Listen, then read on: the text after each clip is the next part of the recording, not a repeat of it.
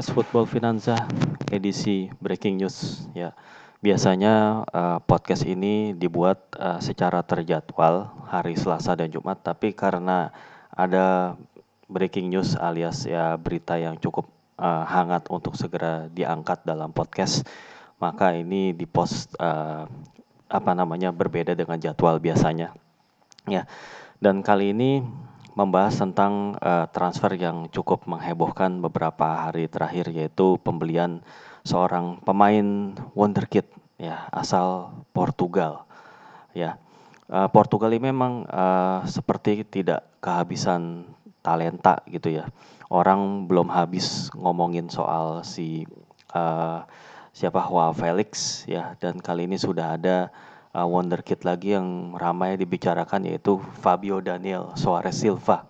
Ya atau dikenal dengan nama Fabio Silva. Ya pemain kelahiran uh, tahun 2002 yang baru semusim lalu ya uh, menghabiskan karir uh, seniornya di kesebelasan FC Porto.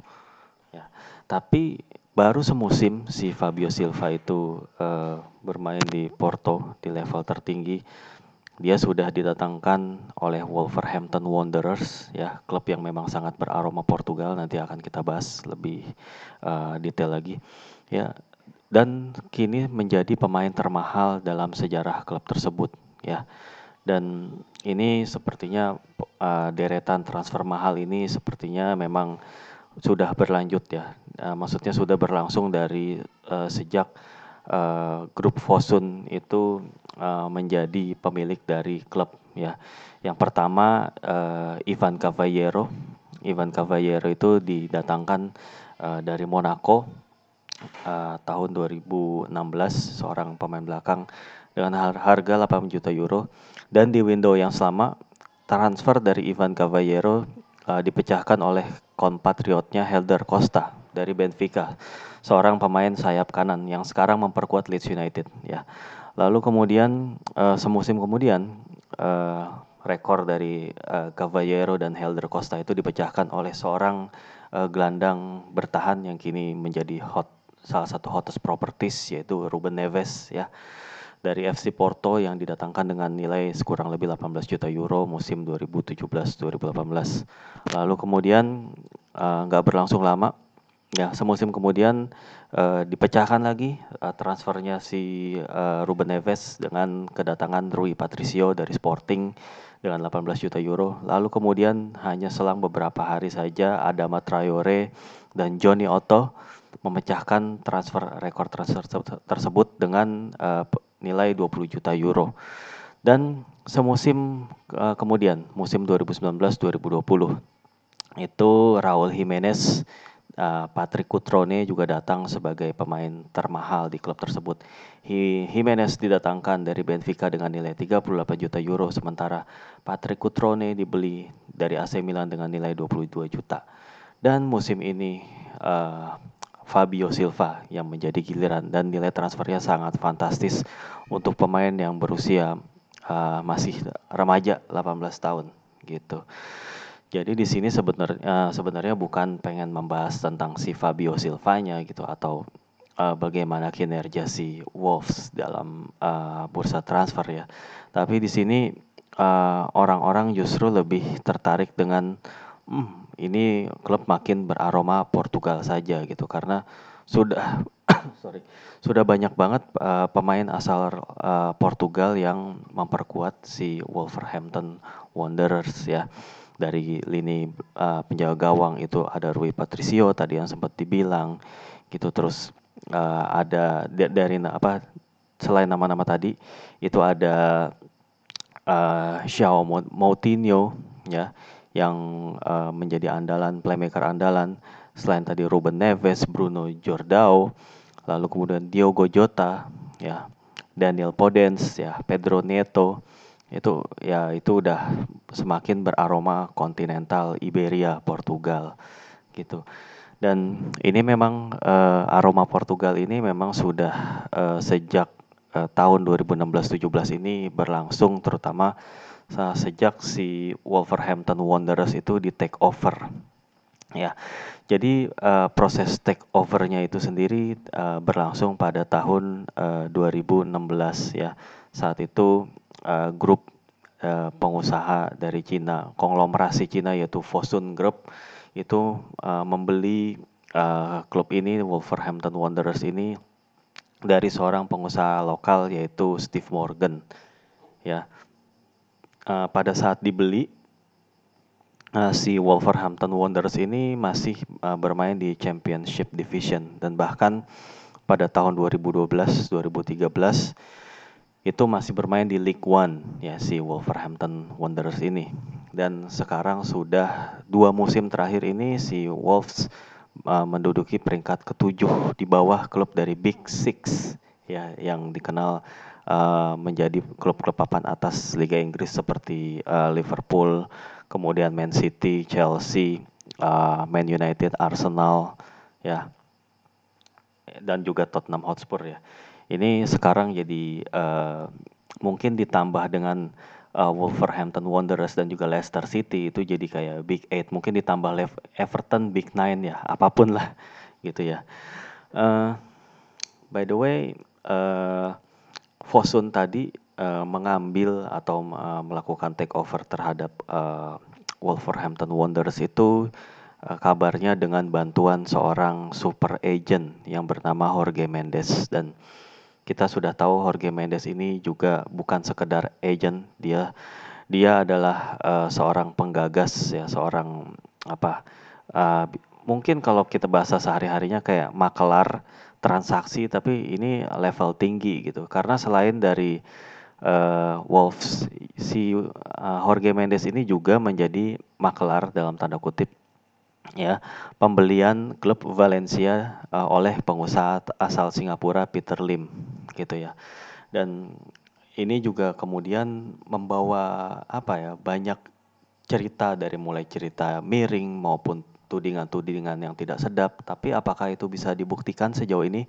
Ternyata kalau berdasarkan berita yang uh, gue baca sih belum bisa dibuktikan bahwa memang Jorge Mendes itu uh, terlibat langsung dalam uh, kebijakan transfernya si Wolves. Sehingga kemudian uh, apa memiliki intervensi gitu ya, memiliki intervensi dalam transfer policy dari Wolves yang sampai mendatangkan yang tadi seperti kita bahas di awal pemain-pemain yang berharga mahal dan terutama berasal dari Portugal gitu.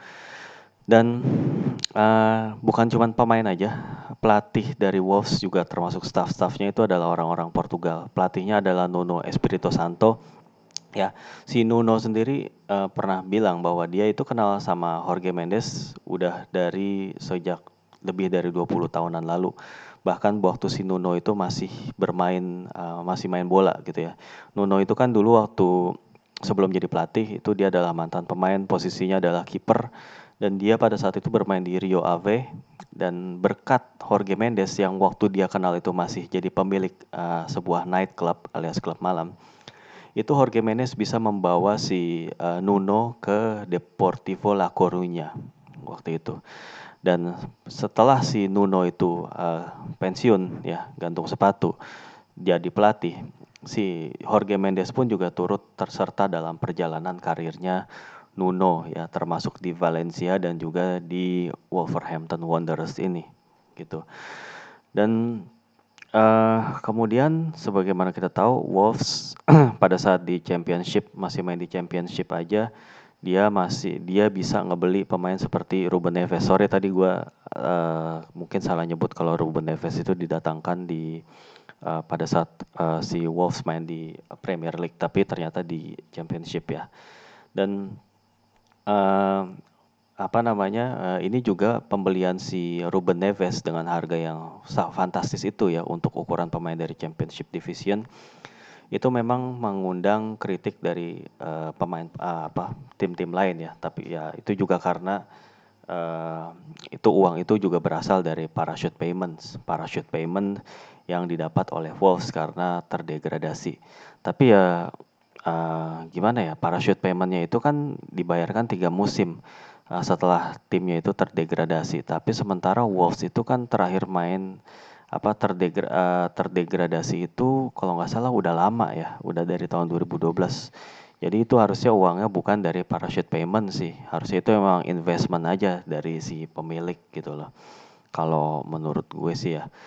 Uh, lalu kemudian um, si si kiprahnya si Wolves itu juga nggak lepas dari berbagai macam kritik dan bahkan uh, Presiden Leeds United saat ini yaitu Andrea Radirizzani pernah sampai mengirim surat resmi kepada IFL dan juga FA ya IFL itu maksudnya English Football League yang badan pengelola liga. Ya yang apa namanya uh, Radrizzani itu uh, bilang ya bahwa itu uh, Wolves itu uh, dikelola dengan tidak legal dan tidak fair gitu karena uh, uh, ada tim ini memiliki uh, saham ya saham di sebuah perusahaan agensi yang tempatnya bernaung pemain-pemain top Eropa. Jadi memang setelah ditelusuri uh, perusahaan induk yang menjadi uh, pemilik dari si uh, Wolves yaitu uh, Fosun Group itu punya grup lagi uh, perusahaan uh, bukan punya grup lagi ya punya perusahaan induk ya namanya kalau nggak salah tuh Shanghai ada Shanghai-nya ya Shanghai ada Shanghai-nya ya, Shanghai Shanghai apalah gue lupa. Uh, itu pokok Shanghai Foyo, sorry Shanghai Foyo. Nah Shanghai Foyo ini yang memiliki si uh, Gestif Gestifute. Gestifute itu adalah perusahaan uh, agensi milik si Jorge Mendes ya. Yang mana di sini kan nggak uh, ada peraturan dari FA yang bilang kalau misalnya klub itu uh, mempunyai perusahaan atau mempunyai saham di sebuah eh, perusahaan yang semacam agensi itu sehingga uh, memiliki intervensi yang sehingga tidak apa menyebabkan konflik of interest gitu konflik kepentingan itu dilarang ya. Tapi ya apa sejauh ini gue belum nemu berita bahwa uh, penyelidikan ini sudah membawa hasil. Dan sepertinya kalau setelah dilihat dari dokumen-dokumen uh, ternyata uh, dari yang ditemukan FA, pemain-pemain yang didatangkan, pemain-pemain Portugal itu yang didatangkan oleh Wolverhampton itu tidak selalu agennya itu adalah si Jorge Mendes. Ya. Itu ada nama-nama intermediaries atau agent lain ya yaitu nama seperti Carlos Osorio de Castro ya. Itu juga yang uh, menjadi agent dari pemain seperti Helder Costa ya dan juga Ivan Cavallero gitu ya dan juga uh, pemain Portugal lain yaitu uh, Joao Teixeira itu juga bukan di bawahnya si uh, Jorge Mendes gitu dan bahkan uh, pemain yang tadi si Fabio Silva itu bukan di bawah kalau menurut informasi dari transfer market ya itu bukan di bawah agensinya Gestifute tapi sebuah agensi yang bernama STV. STV itu uh, namanya Soccer Talents Vision ya yang berbasis di Portugal. Jadi si STV ini juga menaungi beberapa pemain Portugal lain.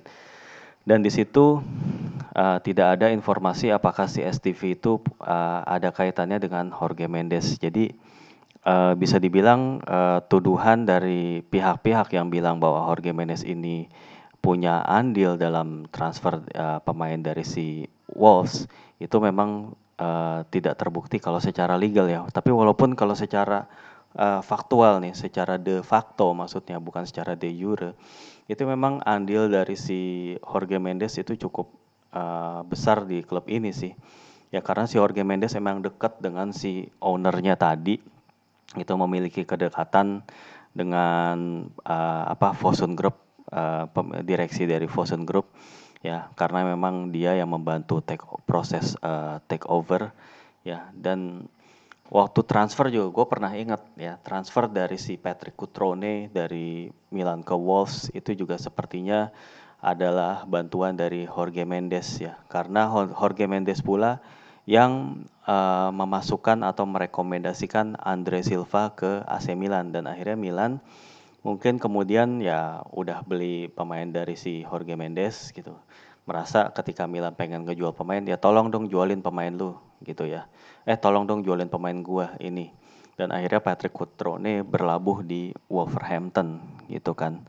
Ya tapi memang semua ini tidak bisa dibuktikan secara legal juga gitu. Bahkan si jurnalis David Cohn yang spesialis uh, football finance juga dia bilang uh, segala tuduhan-tuduhan itu uh, tidak dapat dibuktikan secara legal juga gitu dari tulisan yang gue baca ya dan memang agak sulit ya walaupun uh, secara de facto tadi memang terlihat banget si uh, siapa namanya si Jorge Mendes inilah yang memiliki pengaruh besar dalam uh, transfer policy. Itu juga pernah ada wawancara dari Paul Lambert ya. Paul Lambert itu pelatih mantan pelatih Wolves sebelumnya yang dia juga resign dari si Wolves dengan alasan bahwa terlalu banyak intervensi atau kebijakan transfer yang dilakukan oleh Jorge Mendes di situ. Walaupun secara legal lagi-lagi kalau kita ngelihat di apa namanya di susunan direksi dari Wolves atau susunan pengurus apa pun nggak ada nama Jorge Mendes di situ. Paling Jorge Mendes itu dibilang kayak sebagai advisor atau sebagai penasihat aja gitu. Tapi nama dia itu nggak masuk dalam uh, jajaran direksi dan itu mungkin perlu investigasi lebih jauh gitu ya. Ya karena memang uh, ya bagaimana gitu uh, siap yang lu mau mempermasalahkan dia juga bagaimana waktu itu si Andrea Radrizzani itu uh, presiden Leeds mempermasalahkan soal Wolves dan juga si Jorge Mendes itu setelah Leeds itu kalah dari Wolves dalam sebuah pertandingan di Championship Division dan ini sekarang menarik nih mereka berada di divisi yang sama sekarang karena Leeds baru saja promosi tahun ini gitu ya dan mereka akan ketemu Wolves tentunya gitu dan menarik banget nih ketika kedua kesebelasan ini bertemu lagi ya gitu. Dan uh, bukan nggak mungkin uh, dengan makin banyaknya pemain-pemain Portugal yang cukup uh, bersinar belakangan ini talenta Portugal itu banyak banget gitu ya dan uh, peran dari seorang Jorge Mendes ini tentunya ya kayak gede banget. Dan itu udah kayak jadi mungkin udah jadi kayak stereotip juga bisa dibilang ya. Pemain-pemain Portugal itu pokoknya yang datengin si uh, siapa namanya si Mendes pokoknya gitu. Padahal ya belum tentu juga. Seperti yang tadi di dokumen-dokumen uh, yang ada di FA terkait transfer pemain-pemain dari Wolves itu ternyata agennya itu bukan dari Gestivute atau perusahaan milik si uh, Jorge Mendes. Dan ini sepertinya uh, apa namanya merupakan apa ya sebuah uh, hal yang menarik sih di dunia agency ini. Jorge Mendes itu sepak terjangnya seperti apa gitu. Kebetulan gue emang belum terlalu banyak mengeksplor baru sedikit lah artikel bacaan-bacaan yang gue baca tentang mm, Jorge Mendes belum terlalu uh, banyak juga jadi gue sendiri juga masih kayak menerka-nerka ini kayak gimana sih mainnya sebenarnya gitu dan sebagaimana kita tahu kan Jorge Mendes juga agen dari Cristiano Ronaldo dan uh, Jose Mourinho gitu ya. Dan dia udah punya nama besar ya. Dia yang dia pemain-pemain yang dia supply, pemain-pemain yang dia wakili adalah pemain-pemain besar juga. Pelatih-pelatihnya juga pelatih-pelatih top ya. Emang uh, perusahaan agensinya Mendes ini memang bisa dibilang kalau di dunia agent one of the biggest kali ya. One of the biggest uh, agency. Mungkin kalau di dunia sepak bola ya. Bahkan mungkin uh, lebih besar kali dia pengaruhnya ketimbang agent yang besar uh, lainnya seperti si apa Mino Raiola ataupun agent-agent yang sekarang baru jadi kayak rise dalam tanda kutip rising star seperti Eduardo Craniar gitu ya kita nggak tahu juga ya ya kurang lebih uh, itu aja sih uh, Wolverhampton Wanderers, lalu kemudian si uh, Jorge Mendes dengan apa skema-skema yang juga masih uh, terdengar membingungkan ini, ya. Uh, kurang lebih itu aja yang mau gue sampaikan tidak ada uh, pembahasan mengenai teknis si Fabio Silva kayak gimana karena memang di podcast ini tidak membahas soal itu. Oke, okay, uh, lain kali kita akan bahas lagi cerita-cerita menarik lainnya dari sudut pandang industri finansial dan juga kultur ya dalam kesempatan lainnya. Oke, uh, sampai ketemu di episode-episode selanjutnya. Bye.